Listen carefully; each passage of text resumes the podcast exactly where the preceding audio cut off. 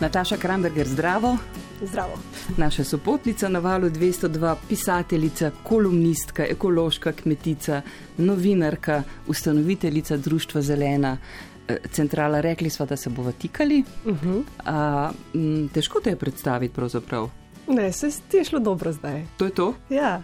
Več bomo pa zdaj. Ne? Ja. A imam jaz kaj sreče, da se je včeraj začel v Ljubljani, ne samo v Ljubljani, festival Vilenica in si zato tukaj? Zagotovo, zagotovo. Drugač bi me lovila med vsemi temi uh, uh, poimenovalci, s katerimi si me predstavljala nekje druge. Najbrž. Eh, najbrž bi te na kakšni nivi dobila. Zdaj Zelo je... verjetno, ja. Kaj je zdaj? Zdaj se pobirajo sadovi, ne? Obiraš, pobiraš, spravljaš, kaj še? Uh -huh. Ja, v teoriji bi, bi, bi, bi bil to čas, ko se začne eh, s pobiranjem sadov. Eh, moja kmetija je pač čisto mlada kmetija še, tako da je sadov za pobirati pravzaprav malo. Uh, tudi letos je bila zelo slaba sadna sezona, sadno drevje je lani zelo obilno rodilo, letos pa zato toliko manj. Uh, tako da bi so tiste stare jablane, ki me ponovadi obdarijo z veliko dela, v tem času so me pustile pri miru. Uh, drugače smo pa Kaj pa pravkar- slive? Slive so pa še toliko mlade, da ne rodijo. Aha. Uh, ogromno teh sliv, ki smo, nase, ki smo jih nasadili, uh, so v bistvu letos samo še, mislim, samo še rastejo lepo počasi. Vsa moja drevesa so na. Zdaj bom že takoj padla v to vlogo Kar, kar, kmetice. kar. Vsa drevesa so pač um, eh, na sejancih, to pomeni, to so te podlage. Dreve, sadna drevesa se med seboj razlikujejo po velikosti, lahko tako čisto preprosto to povemo. E, imamo takšna čisto majhna, taka srednje velika, pa tista zelo velika. A to sadna je drevesa? posebnega?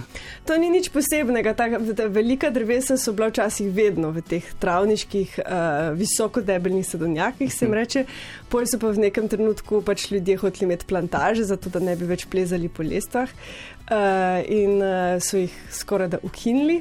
Zdaj pa uh, veliko ljudi spet zasaja nazaj. Ta stara drevesa, uh, ki imajo pač to neprijetnost uh, za veliko kmetijsko produkcijo, da začnejo ro roditi šele v enem sedmem letu starosti. Se pravi, treba jih je zelo uh, ljubkovati in negovati na samem začetku, da sploh začnejo uh, roditi. Kdo pa potem... potrebuje največ te ljubezni?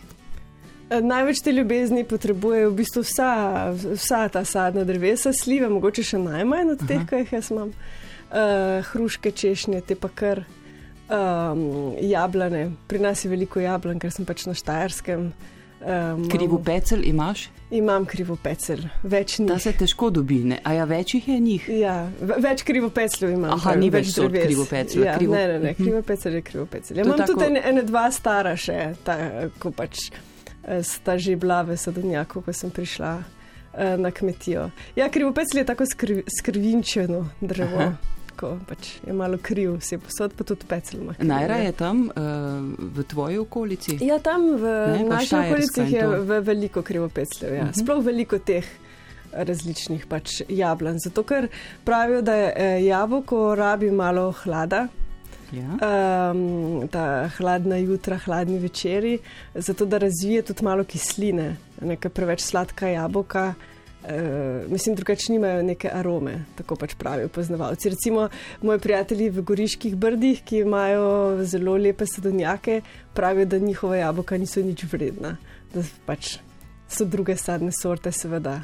Uh, veliko, veliko uspešnejše, ne vem, marelice, češnje, ne. Eh, Kaj, Pri, teh pri nas imamo manj. nisem te že vprašala, boš kavo ali čaj? Ne bom nič, bom kar vodo. Hvala. Sicer eh, zato, ker veš, da bo kava iz avtomata, ne? Ja. Zagotovo ne maraš kave iz avtomata. Zagotovo ne. Ne? Eh, V Milano piješ najboljšo ali Uh, ja, najboljše pijem kar doma, po mojem, ko uh, se jo skuha. Ja, pa tudi trsto je dobra kava. ne. Trsto se pije dobro kavo. V Berlinu pa imajo itak vse sorte. V Berlinu pa ne, ne pijemo kave. Raj, ne, kaj raj, pa pijete ne, v Berlinu? Ker, uh, v, v Berlinu pijemo zdaj, v tem trenutku, same neke eko-bio-šorle, to je zdaj zelo popularno, razne uh, neke oranžade narejene v Berlinu z organskimi pomarančami. Uh, to je ta novi hit, ne, ko je vse organsko in vse bio, potem pa pač malo prizadikneš v brvi. Uh, ne, jaz prisegam vedno samo na gazirano vodo. In na lipov čaj. Tako. A imaš eh, tisto babičino lipo, ki je v bližini? Je v bližini, ja. je v bistvu tako čez dolino. Moja kmetija je pravzaprav diametralno čez, eh, čez dolino, uh -huh. na sredi doline teče potok in moja babica je na sončnem, jaz pa na senčnem bregu. ta, ta lipov čaj prav z te lipe. Eh je poskrbel, da si ti tako zelo zdrava, oziroma ja, vsaj seveda, bila. Ja, seveda. Ja, ja. Še vedno to, mislim, cele litre popiješ? Ne, dan, v bistvu ne? zdaj veliko manj pijem tega levega čaja. Um, pa vmes, ko odrasteš, odraščaš, pol te napolnijo samimi nekimi paranojami. Ne? Lepo čaj in pa boš dobil srčni infarkt in ne vem, da gazirana voda, pa boš dobil celulit, pa te stvari. Pa, pa se pri vsakem požirku, ja, to sem slišala nekje zdaj. In, ampak sem se odločila, da bom preslišala. uh, upam, da se boš dobro počutila pri nas, mečkino, yeah. če se odmakneš od uh -huh. mikrofona, ker kaže, da imaš premočen glas.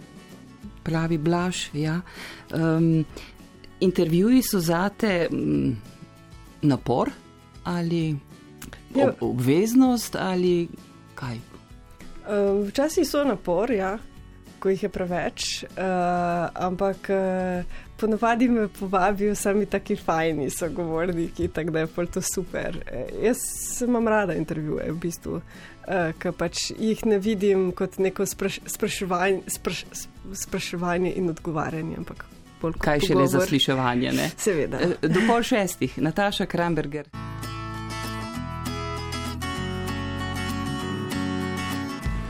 Nataša Kramberger, pisateljica in kmetica, novinarka in ustanoviteljica Društva Zelena, centrala živi med Jurovskim dolom, Berlinom in Milanom. Kje se literati srečujete v Berlinu, kje v Milanu? Imate kakšna stalna srečevališča? Kavarne. Ne, pisatelji se na splošno zelo malo srečujemo, še, če se mene vpraša. Um, pač te neke um, tržaške kavarne, recimo ja. San Marko, kjer bi pač. Uh, Tradicionalno posedali neki pisatelji pri svojih mizah in brali časopis. Eh, sploh ne vem, če še obstajajo, kje. Ne. Vsaj jaz jih nisem zasledila. Jaz imam neke svoje place, kamor ponovadi povabim ljudi, eh, s katerimi se mislim dobiti. Uh, ampak ponavadi se srečujemo kar uh, tako na cesti, na ulici, um, na kakšnem pivu, ki je tako mimo grede, ali pa pač res na kakšnih literarnih dogodkih, ko si se malo prisiljen. Ampak pač je drugače, ne? Seveda je drugače. Ne, kavarne bistu... prav kličejo potem, ne? Ja, seveda, pa sploh, mislim, jaz pogrešam malo to. V bistvu sem največ tega imela dejansko v svojih eh, prvih novinarskih letih, ko sem pač bila na večeru, na praksi. Uh, in pogrešam to gostilniško vzdušje, ne? niti ne kavarniško, ne pravno gostilniško, ker tam um, se mi zdi, če sem se kje urila v uh, reprizah, hitrih reprizah, potem je to tam, ne pač v gostilni. Um, sediš in moraš zelo hitro se odzvati, če te kdo izzove. Um, in na večeru, recimo, je bila rač Hrvaška, ki je tudi ni več.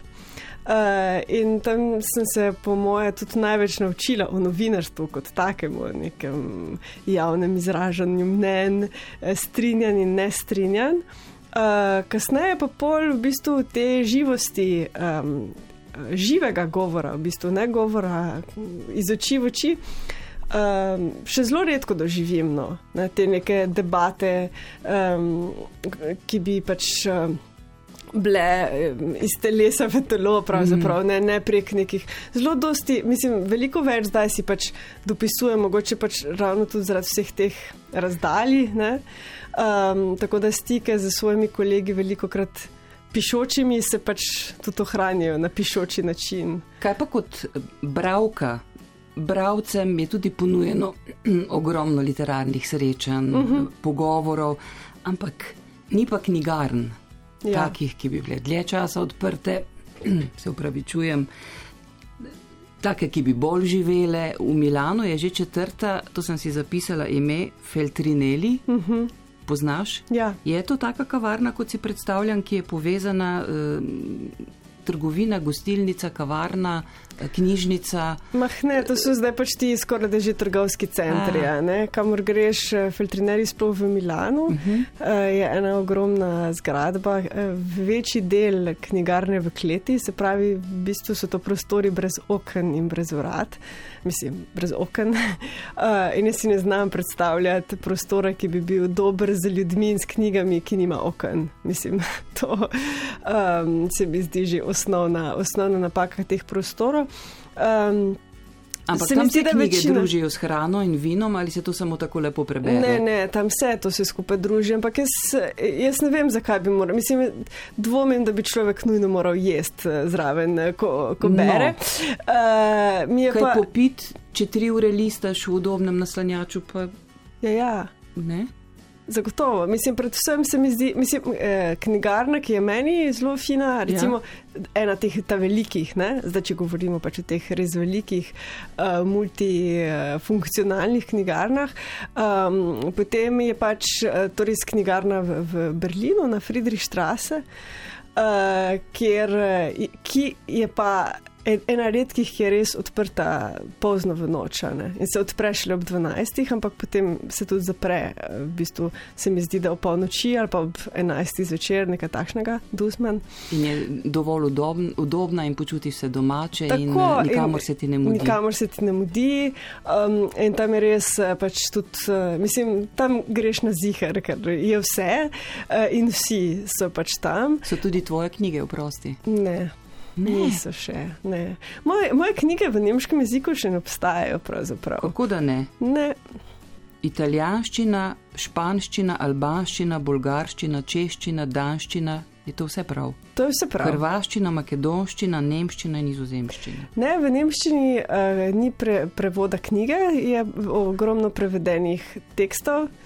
Um, se sicer dogovarjamo nekaj zdaj, ampak to, to ni še nič meso postalo. Tako da, uh, ne, mojih knjig ni. V Dusmanu. Um, so mi pa, če se vrnemo v knjigarno, v bistvu ljubše male knjigarne. Uh, seveda, uh, in, in recimo v Milanu, uh, ko je išla moja knjiga v Italiji, um, smo z enim neodvisnim knjigarnarjem v knjigarni, ki se reče Tritiko, eh, se šli eksperiment, ki se ga v bistvu gre veliko neodvisnih knjigarnarjev, da povabijo avtorje in eh, ti postanejo knjigarnari za en dan. In sem v bistvu delala v tej knjigarni skoraj ves dan. Kot svetovalka? Uh, kot svetovalka, ja, kot pač ja, ljudje so prihajali in uh, pač me spraševali, kot da bi bila tam zaposlena. Sem seveda, mislim, človek se v majhni, trgovi, eh, v majhni knjigarni tudi zelo hitro znajde. Um, na koncu pa smo jim seveda pač, uh, priporočili tudi mojo knjigo. Uh, in dejansko uh, je to en model, ki zelo funkcionira. Ne? Uh, smo prodali ogromno knjig tisti dan, ne? samo da je potem ta lasnik knjigarne, uh, smo ga vprašali, ker smo, smo prodali v bistvu vse izvode, ki so bili na voljo. Uh, vprašali, izvode tvoje knjige. Izvode moje knjige, ja, ja izvode moje knjige. Je bila so, to nebesa v Rubida? Nebesa Rubida, ja. ja. Uh, ki se v italijanščini reče Niente dinero in vista. Uh, in smo, um, no, skratka, vprašamo knjigarnarja, če bo zdaj naročil nove. Ne? Eh, izvode, glede na to, da smo tako uspešno vse spravili v promet, pravi, ne, ne, si smešna, kdo bo pa to kupoval. tako da, uh, pač, ne, uh, male ljubke, neodvisne knjigarne so super, ampak uh, pač tudi one morajo slediti uh, nekim tržnim zakonitostim. Um, tako da, nažalost, pač te kulture, res knjigarne, mislim, v Sloveniji nimamo, ne, mislim, ne, da nimamo kulture, nimamo nimamo knjigarn. Uh, v bistvu je ena, se mi zdi, eden največjih vzrokov tudi. Um, Zato, da se, da se knjigi tako slabo godi v Sloveniji, ker v bistvu ni prostora, kjer bi se sploh prodajale. Ne. Zdaj o tem govorim v Ljubljani in najbrž to težko razumeti, ampak že v Mariboru nimamo nobene. Uh... To ni težko razumeti. No, Glavna mislim... knjigarna v Ljubljani je sredi poletja brez uh, klime Mm. In te odžene v petih minutah, um, kaj šele, da bi bila odprta dlje kot uh, do treh ob sobotah. Mm. Pravijo pa, da ni ljudi ne? in gremo kura. Ja, kako pa jajce. naj bodo? Ne? Tako kot pri nas pravijo za avtobuse. Ne? Odkar, mm. mislim, jaz znam vse urnike avtobusov na pamet, lokalnih iz Jurovskega dola v Maribor. In pač ti urniki postajajo vedno redkejši, časi, uh, mislim, pač. Um, uh, Časi vožnje pa vedno daljši. Uh, in zato, ker, ker se pač ukinja toliko avtobusov, da potem mora tisti en, ki ostane, odpeljati v vse doline, ki pač uh, so daleč naokoli. In zato se potem iz Jurovskega dola v Maribor, kar je približno 15 minut razdalje, voziš eno uro pa 10. Se pogosto voziš? Jaz se zve, vedno vozim v, z avtobusom. Res? Uh, ja, ja. Zelo, zelo, zelo rada se vozim z avtobusi. Uh, pa z vlaki, pa z vsem tem. In, in vsem ti vrstam javnega prometa gre, v Evropi gre pravzaprav isto. Uh, se pravi, Isto slabo. ukinejo isto slabo, ne. z istim izgovorom, pač, da ni ljudi. Uh, in to je pač ta, ta kača, ki se, si žere rep, grize rep, kako že. Nataša Kramberger, zdaj imamo dve popevke tedna, potem pa mi dve znova. Eh, Še vodo, to Ne, ne, super. ne, ok.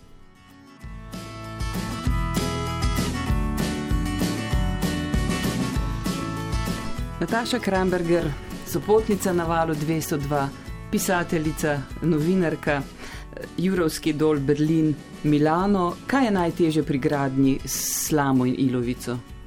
Kje je največji trik, da ta zadeva. Se pravi, gradiš nekaj po tej stari metodi, slamo in ilovico. Uh -huh. Ne? ja. Kaj gre lahko narobe? Ker to je zelo starodavna tehnika, bi lahko človek ja, rekel. Vse, vsa skrivnost je v pravi mešanici. In to pri vseh rečih, v bistvu. da daš ravno prav, ravno prav vsega v, v to zmes. Obstajajo različne tehnike gradnje, gradnje z zemljo in z slamo, uh, ampak ta, ta občutek za mešanico je pri vseh ključen. Ga imaš da je ravno prav. Ne, meni se non-stop kaj podreje. Uh, jaz v bistvu uh, veliko več kot sama delam, gledam druge, kako delajo. um, in uh, ne, meni, jaz intuitivno mogoče že naredim to neko mešanico, ampak potem se slej ali prej, ki je kaj zamoči. Uh, ampak je, je pa to tak, eh, tak hvaležen način dela, eh, zato ker je pač vse uh, naravno, uh, pa vse obnovljivo, pa če se kaj podre, pač samo še enkrat zmešaš na novo. Um, Prijazno do zdravja, do prijazno do okolja. zdravja, do rok, še lifting ti naredi, vmes ko delaš. Um, tako, da, tako da je res fino. No. Um, arhitekti so mi rekli eno lepo stvar, um, da je pač naravna gradnja, da z gradnjo, v bistvu z materijali, ki jih imaš okoli hiše. Ne? Ker pri nas, pač na Štarskem, je vsa zemlja hudo ilovnata in v bistvu je to idealna zemlja za, za, za gradnjo hiš. Uh, in s tem nadaljuješ krajino tudi v svoj dom. In to je en tak podaljšek krajine, se pravi, kar je zunaj in je potem tudi noter. In to se mi zdi tako lepo, v bistvu je čisto res. Ti si to kombinirala s slamo. Gre za obnovo kmetije, ki si jo prevzela, uh -huh. pogovarjava se, kot da vsi vejo. Mhm, Tudi res. Ja. ja. Jaz sem prišla, um, moja mama se je odločila, da bo začela kupovati eno kmetijo. Uh, in v nekem trenutku uh, je malo zaštekalo, in smo prišli um, še drugi nakup, uh, zato da smo skupaj potisnili ta voz nekam. Uh, in v nekem hipu sem pač potem jaz prevzela to kmetijo. Um, in sredi te kmetije, to je zelo majhna kmetija na Štajerskem, To je celo posestvo. To je celo posestvo, je gost, pa sadovnjak, pa niva. In to urejaš po načelu sonaravnosti, kot se Tako, ja, Reče. ekološki način. Uh -huh. uh, jaz m, nič skušam, mehanizacije, ja, nič, zato ker je pač ni minimalno. bilo. Ja. A so potem Eh, pa roke? Tudi, uh, roke so najboljša mehanizacija. Ja. Pokaži. Evo, Oh, črn nohti noht. uničen. Dokaz.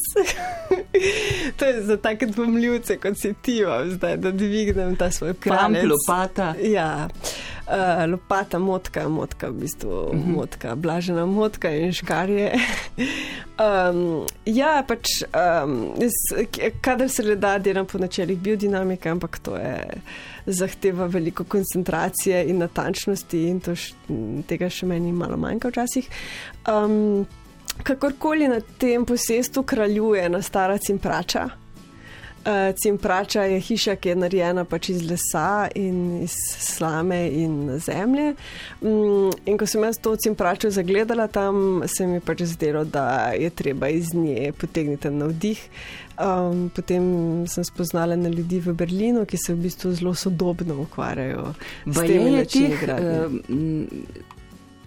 teh stavb iz Ilovice uh mhm. -huh. in, in slame uh mhm. eh, -huh. v Franciji, Nemčiji, Veliki Britaniji, če dalje več in to ja, ja. velikih dimenzij. Ogromnih tudi. dimenzij, gradijo uh mhm. -huh. tudi cerkve, gradijo vrtce, gradijo ja. šole. Um, jaz sem povsem na začetku svojega navdušenja nad tem tipom gradnje videla en video iz vzhoda Nemčije takoj po drugi svetovni vojni, ko v bistvu ni bilo cementa, ni bilo betona v, v, v, pač v državi. In so oni gradili cela blokovska naselja, uh, v bistvu izbutane, mi bi rekli, butane ilovice. Ne? In so delali to na isti način, kot bi danes pač ulivali beton so pač olivali oziroma stiskali, stiskali ilovico in dejansko ta naselja še vedno stojijo, ne? ti bloki še vedno stojijo in to so pet, šest nadstropni bloki. Um, blizu Drezna se nahajajo. Um, in vsi imamo pač neki predsodek, kako je to popolnoma zastarelo. Gre pa v bistvu za enega najzagotovo, mislim, sodobnih tip načinov gradnje, um, ki, ki v bistvu nima nobenega negativnega vpliva na, na okolico. Ne. Veliko ljudi sledi, oprosti. Če porušiš, potem nobene sledi ne pusti to, ne, ne, v, v to, tem okolju. Ne. Ti porušiš, pa lahko z istim materialom spet kje kaj drugega zgradiš. Um, mislim, veliko se zdaj govori o udobju, udobju bivanja in o tem, kako stene dihajo. Ampak to uh, mi lahko uh, ustvarimo tudi z umetnimi materijali, tudi z nekimi mineralnimi, kaj z in kaj. Ampak resnična prednost, resnična drugačnost teh naravnih materijalov je ravno v tem, kar si ti omenila. Da pač um, tudi, ko jih ne potrebujemo več, nimajo nobenega negativnega vpliva na okolje. In tudi pri pridobivanju teh materijalov ni negativnega vpliva, ne? ni porabe vode. V bistvu veliko govorimo zdaj o plastiki, zelo malo govorimo o cementu. Ja. Cement je uh, hudo problematična sestavina, ne? ki pa je v bistvu, ki jo imamo krok posod okoli sebe. Ne? In nenehno se rušijo. Stvari iz cementa, ne nekno se na novo postavljajo in kam gre v ta cement. A so tebi veščine, ki si jih pridobila na FDV-ju, uh -huh. ki mhm. si študirala tržensko komunikacijo? Uh mhm. -huh. Če so mi kaj pomagali? Ja. ja, mislim, da ja, no, ne. Mislim, da pač uh, sicer uh, sem to šele s časoma uh, doumela, da v bistvu sem. Ampak prodajati ne znaš, ne? Prodajati. Uh, ja. Ne vem. v kakem smislu pa? V smislu, da pač se znam postaviti za neko stvar, v katero verjamem, tudi zelo lahko tudi agresivno, če je treba, um, da pač razumem, kako delujejo ti mehanizmi ki so v bistvu zelo skriti, veliko kratne, uh, zelo pritlehni tudi. Um, in se mi zdi, da mi je veliko krat lažje, ker jih pač razumem, ker jih znam detektirati, ker vidim, ko se, ko se pojavijo. Um, v bistvu um, si domišljam, da jih nišče ne more v tako veliki meri, kot bi jih ne mara, lahko uporabiti proti meni. Imaš pa tudi dar, to se kaže že iz tvojih odličnih literarnih reportaž, mm. da znaš ljudi nekako, da se jim znaš približati, jih navdušiti, slišati njihove zgodbe. Mm -hmm. Najbrž potrebuješ ta dar tudi tukaj pri obnovi svojega posestva, kjer imate v kolektivu Zelena centrala, mm -hmm. ki si ga ustanovila z mamo, mm -hmm. vsakoletne izmenjave in pridejo pomagati mladi. Mm -hmm malo mi Ja, pomagaj. Ja, ta, ta, to, to je pač mogoče ta moj marketing. ne. Uh, ker pa v, v nekem hipu, uh, mislim, meni je bilo na začetku na tej kmetiji kar težko, moram priznati. V bistvu sem se na glavo vrgla v nekaj, um, za kar niti približno nisem bila usposobljena in o čemer niti približno nisem imela pojma, uh, kako zelo me bo zaznamovalo in kaj vse bo terjalo od mene. Um, potem sem pa v nekem hipu pač um, stopila tri korake nazaj in se vrnila v to uh, osnovno maniro pripovedovanja in nagovora. Um, In, in zmeraj sem se, jaz sem se zmeraj veliko pogovarjala z, z ljudmi, zrasla sem v, v družini, kjer vsi veliko pripovedujejo in veliko govorijo. In tudi v tistem zelo težkem trenutku sem se vrnila pač k temu pripovedništvu, uh, lokalnemu, in um, tam so mi ene gospe pač začele razlagati o tem, kako na vsaki zemlji, na vsakem koščku zemlje obstajajo neka bitja, ki so tam odvedno. In ta bitja ti nagajajo, ker so lumpi lumpi, ne? ker oni pač hočejo ta prostor zase. In pol se moraš ti malo s temi lumpi zmeniti, moraš, moraš jim prisluhniti ali, kakor bi lahko tudi rekli, moraš jih nagovoriti. In tudi pustiti, da oni nagovorijo tebe. In trenutko, ko, to, ko sem res to osmislila, ne, um, sem ugotovila, da je kmetijstvo pač zelo podobno pripovedništvu in zgodbarstvu treba imeti v prvi vrsti empatijo in posluh za nekaj, kar um, česar ne poznaš. Ne?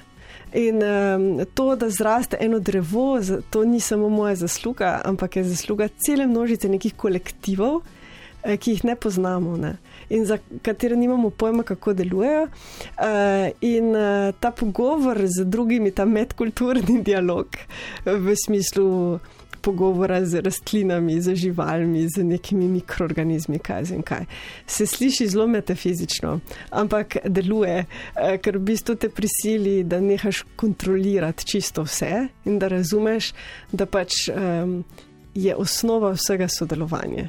In neka izmenjava mnen uh, in pristopov. In to v bistvu na neki način pač je tudi marketing, kakor si ga jaz predstavljam. Ne?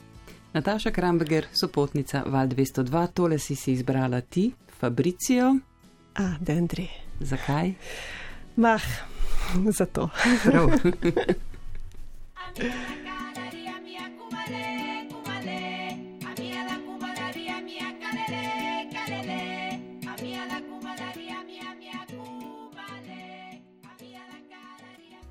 Nataša Kramberger, na Sardiniji je živel ta pevec. Ja, Fabricio de Andre je delno, del življenja preživel na Sardini, a drugače pa iz Dženove. Prevzel je posestvo in se šel v živinorejo. Tako. Ja. ja, v bistvu hecno, ker nikoli nisem razmišljala o tej usporednici, ampak ja, obstaja tudi ta usporednica. Fabricio je po mojem eden največjih pesnikov, sploh 20. stoletja na svetu um, strasten anarhist uh, mm -hmm. in poet. Um, in človek, ko res boh, bi, si, bi tako šel na eno kavo z njim, če bi se to dalo. Ne? On je nažalost zelo hitro umrl. Um, A so ga res ugrabili, njega in njegovo ja, ženo? Ja, njega in njegovo ženo so ugrabili ravno na Sardini. Bili, ja, na Sardini je bil en čas, ko je pač ta anonima Sarda. Ten, eno združenje so pač ugrabljali ljudi z denarjem. Uh, zato, da pač so dobili denar. In to so bili um, pač ti, ti, ti, ti britki časi, v bistvu um, italijanske zgodovine. Uh, in Fabricio ima zelo premožnega očeta. Ne? Njegov oče je bil pravnik, ima tudi zelo močno uh, pisarno, uh, proti čemu se je ta naš Dendrej seveda zelo, zelo boril vse čas. Uh, ni hotel biti očetov sin. um, in um, to posestvo, ki sta, ki, ga je, ki sta ga ona dva z takratno partner, ko še ne ženo, uh, vzela je v enem takem samotnem kraju sredini česa, zelo priročno za to, da te kdo ugrabi. Uh, in dejansko sta bila ja, šest mesecev um, v eni. V eni jami, nekje tam v Sardini, na Sardini. O tem je nastal potem tudi zelo lep album, Hotel Sopramonte, se reče prav pesmi, ki o tej, o tej izkušnji govori. In Fabricio je tudi zelo dosti krat uh, govori o tej izkušnji v smislu, uh, da mu je pomagal ta njegov jezik, ki, ja. ga je, ki ga je izvlekel iz marsikatere težave. Uh, bolj kot jezik, po mojem, pač res ta empatija, zmožnost uh, se približati drugemu, pa čeprav je to tvoj ugrabitelj, ki ni nič drugega kot en nepismeni pastir. Tvoj jezik je tudi malo italijanščina. Ja, zagotovo. In uh, jaz sem se sem izbrala to pesem tudi zato, ker sem se od njega naučila italijanščine. Um, v bistvu so, me je glasba pripeljala do tega, da mi, je, da mi je bil ta jezik bližji, da sem ga lažje usvojila. Ampak, ko sem odkrila, da Andreas, je, so, padli vsi zidovi, mislim, da je te, njegov jezik je res težek, ampak uh, je tako lep, da pač se moraš zaljubiti. In zdaj jo uporabljaš v Milano. Lahko poveš, kakšen je milanski pogled na svet in kakšen je berlinski pogled na mm. svet? Jaz sem v bistvu. Oboje poznaš. Ja, Zdaj v Berlinu si živela, živela ja. kar nekaj časa zdržama, ne? Uh mhm, -huh, tako, v... Zdaj pa obiskuješ. V Berlinu v bistvu še zmeraj živim po zimi, v zimskem času, ko pač ni kmetijske sezone. Um, v Milano sem pa pač občasno iz družinskih razlogov. Uh, milanski način uh, je meni um, v bistvu zelo tuj ker je, ker je način nehnega dela in nehne aktivacije. Mislim, ti res Lombardi, oni non-stop nekaj delajo. Ne? To so tako zaposleni ljudje. Ampak radi delajo. Ja, ja radi delajo, delajo. z strastjo delajo, ampak res to preveč dela. Mislim, to je res ta industrijska miselnost nehnega napredka. Um, pač, Niso poprečni italijani. Ne, ne, so pač to vrstno izstopajo. So, so mm. uh, prestolnica Severne ja. Italije, ne, te um, hude produkcije. Um, ampak ima Milano uh, za me pač res uh, strašen čar. Mislim, mesto kot tako, neko, um, se tam sprehajam in uh, so neke galerije in ulice in ogromno pač nekih muzejev in kulturnega dogajanja. Uh, vse je zelo lepo, ta občutek za estetiko. Ne. In pač nekomu, ki je lepo, ki se ga lepo lahko dotakne, je to pač fino. Seveda je tam uh, pač tudi, uh, kaj, kdaj tudi prelepo, se pravi, preveč poštirkano in ta sedež mode. In, uh, ampak um, vseeno ta. Ta, ta estetika na vsakem koraku se mi zdi, da te kar zaznamuje. No. Boš 9. 9. novembra v Berlinu. Ja, bom. bom um, ne vem, kje, po mojem, se bom zavlekla v kako luknjo, uh, ampak bom. Ja. Ti si ob 25-letnici ali pa 26-letnici mhm, ja. Paca zidu napisala oziroma zbrala te literarne mhm. reportaže v knjigi Brez zidu. Ja. V teh petih letih, kako se je spremenil Berlin? Petih letih. Ja, v bistvu v teh petih letih nas ta sprememba ni več presenetila, rečemo temu, je bila pa zato toliko bolj intenzivna. Ampak nakazovala se je v bistvu vse, kar sem napisala ob 25. obletnici, vse, kar je izbrano v knjigi Brezidu, um, lahko zdaj podpišem trikratno. Kjer se, ja. kjer se je končalo, v bistvu um, vse je šlo samo še z, z skokovito hitrostjo v isti smeri naprej. Uh, tako da pač nič. Meni osebno so, so pred hišo podrli pra, park, posekali park in postavili gore na bajto. Um, na trgu Roze Luksemburg? Tako, na trgu Roze Luksemburg. Um, to ni mondena četrt, to ni v kategoriji A. Ja, ja, ja je v kategoriji, kategoriji A. A. Eh, zagotovo. To so uh, najvišje najemnine, ki so ja, pa zdaj že ustavljene. Tako, ustavljene so na papirju. Zdaj, um, um, Trek Rozi Luksemburg je bil pač uh, v trenutku, ko sem jaz prišla tja, ena razruvana četrt vzhodnih Nemcev. Potem se pa je bliskovito spremenila, tako kot v bistvu v vzhodni Berlin, ravno zato, ker je bil tako razrut, se je na njem lahko šlo, so se lahko igrali eksperimente. Um, in sedaj je to preprosto četrt uh, turistov ali pa teh uh, prišlekov z veliko denarja, sami dizajnerji in arhitekti in, grafični oblikovalci hodijo naokrog. Um, pa naj zdaj ti poklici tega ne vzamejo preveč osebno. um, uh, in, mislim, tako da je pač ta sprememba bila za me še toliko, to, toliko hujša, ker sem se priselila pač nekam z, z eno idejo, potem pa je ta ideja zagledala svoje nasprotje zelo hitro. Um, tako da ja, zdaj smo, to, zdaj smo v bistvu v središču mite, um, kjer uh, smo maja dobili uh, obvestilo domov.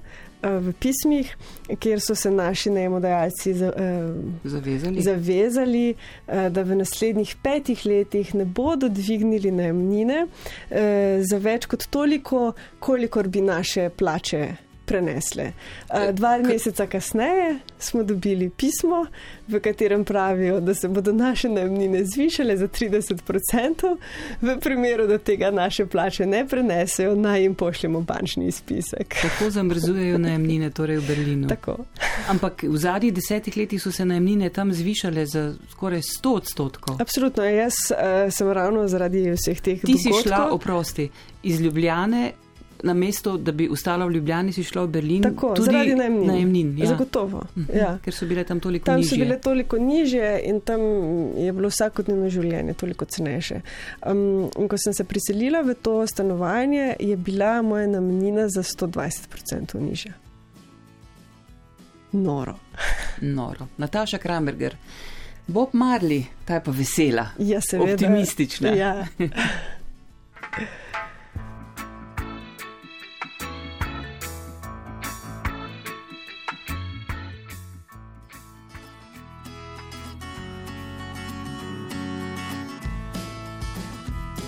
Nataša Kramberger, pisateljica in kmetica. Ja. Prevzela kmetije, uradno se ti reče, da si ti mlada prevzemnica kmetije. Uh -huh. Uh -huh. Kaj pa, ko boš stara 50? Ja, ne sem mladi prevzemnik kmetije, si v bistvu tri leta, kolikor traja ta program. Um, pač, um, to je program spodbujanja generacijske izmenjave, menja, pomladitve. Rečemo, Potem boš pa samo kmeti. še kmetica. Potem bom pa samo še kmetica. Ja. Babica, uh -huh. ne morem, da ne bi, uh -huh. ti je odsvetovala, uh -huh. bo treba delati, uh -huh. to bo garanje, uh -huh. tudi sosedje to si gotovo predstavljamo, so, bi, so negodovali, bolj kot ne, da pride Frajla iz Berlina v tem smislu, kaj se zdaj gre, ali je bila resnična skrb, da ti ne bo uspelo. Ne, oni še zdaj vejo, da mi ne bo uspelo.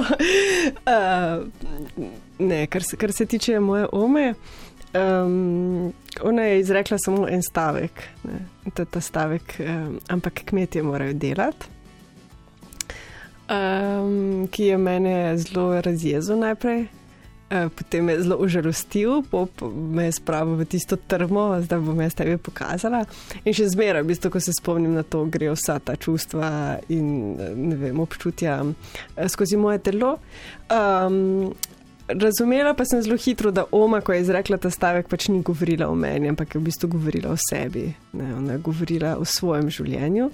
Ki ga je preživela pač na zemlji, z zemljo, uh, ker je bila najstarejša hčerka uh, in je pač v četrtem razredu morala zapustiti osnovno šolo in je prevzela v bistvu mamino vlogo, ne pomočnico mame na kmetiji.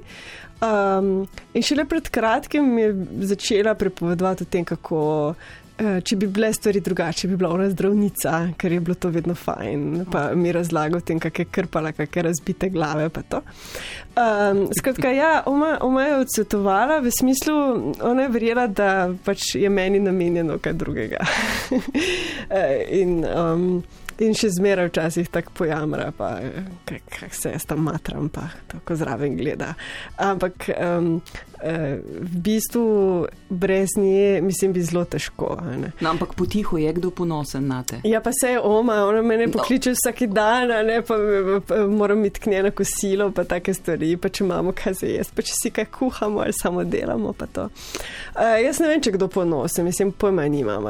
Ampak um, vsi ti sosedje, ki se vozijo mimo na začetku, pač kar res, ker tako moja kmetija čisto pri, pri cesti ne, in vsi nos nekaj svetu delujejo, ne, v smislu, da pač itak nimam pojma, kaj delam. Si dajo duška na. Si dajo duška totalno in potem pač to res, eh, ne vem. Um, um, ta odnos, ne vzvišen odnos, to, um, pač, ker sem punca, pa ker sem mlada, pa ne, pač v njihovih očeh pristopi. Ne, pač čisto neki ne pristopi. Mhm. Ampak um, v letošnjem poletju, recimo, um, sem spoznala ogromno mlajših sosedov, uh, oziroma pač. Um, mladih tam nekje blizu mene, eh, ki mi pridejo kdaj kaj pomagati, s kakšno mehanizacijo, ki jo jaz nimam. Recimo, in ugotavljam, da se vedno dalj časa zadržijo. Vedno daljši so ti pogovori, ko se izklopi, ko traktor stoji in potem eh, se spode debatira, zakaj pa delaš to tako, zakaj pa boš pa zdaj pa kaj pa če bi tak, pa zakaj ne, zakaj je pa to dobro.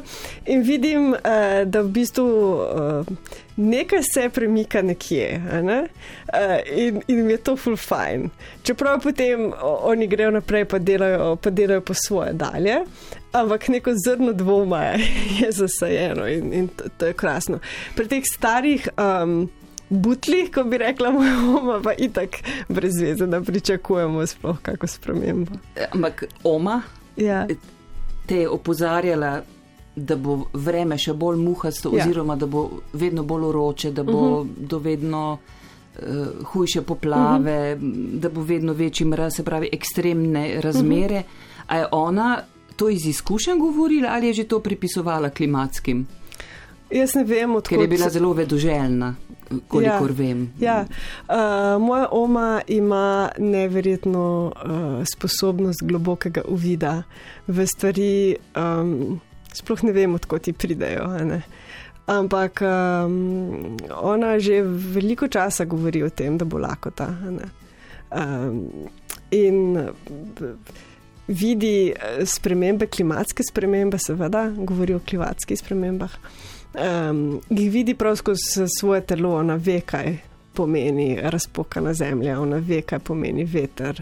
Um, in toliko časa je pač tudi preživela zunaj na prostem, da razume razliko, ne? da razume mhm. razliko nekega veterca um, pred 50 leti in neke skoraj da ork orkanske burje, eh, ki smo jih priča v teh, v teh mesecih.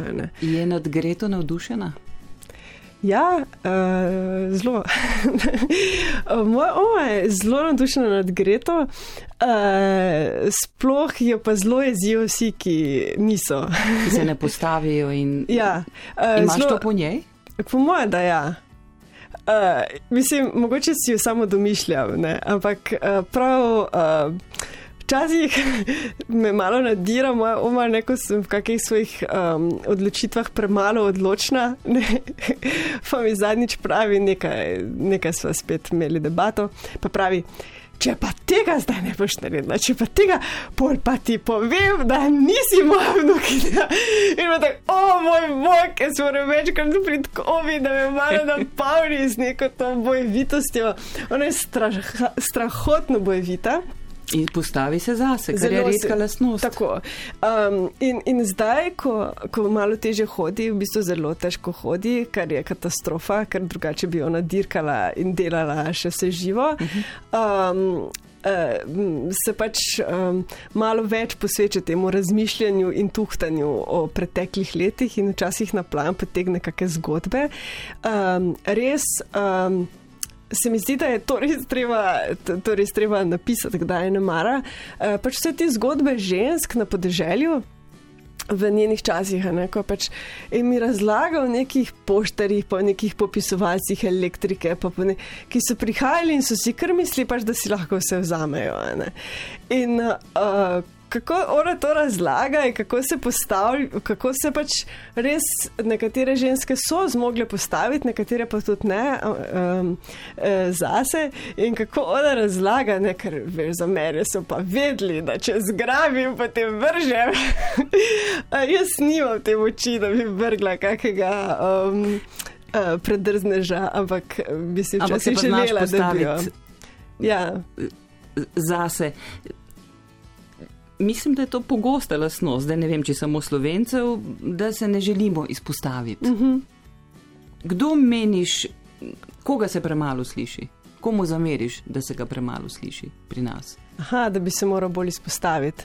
Uh, Marsikdo bi se moral bolj izpostaviti. Zdaj, uh, ravno kar pač um, sem zelo pod vplivom vedno nekih teh um, minevanj um, in pač ravno kar smo izgubili Dragico Korade, um, urednico, novinarko, avtorico, uh, ki je meni, ki je oseba, ki je v bistvu kriva za to, da sem jaz začela pisati kolumne oziroma komentarje, nam je prva povabila v eno rubriko na večeru, ki se je reklo Pogled, Pogledi. Nekaj takega, um, ki je ho hotela od mene, da redno pišem kolumne. In jaz pravim, dragica, ampak jaz to s temi mnenji. Uh, jaz to ne znam, ne, imeti skozi neko mnenje o ničem. Pa pravi, dragica, uh, jaz ne rabim ljudi z mnenjem, rabim ljudi z stališči. Um, oziroma stališčem. Um, v bistvu, dragice, v enem od svojih intervjujev pač reka, da dokler se lepe duše ne bodo mazali s politiko, nam bo šlo tako, kot nam gre. Um, in veliko je pač lepih duš, ki imajo marsikaj. Um, finega zapovedati, pa narediti, uh, pa pač nočejo iti v to močvaro. Um, so bili nekdaj ne vem, izobraženci bolj opora času?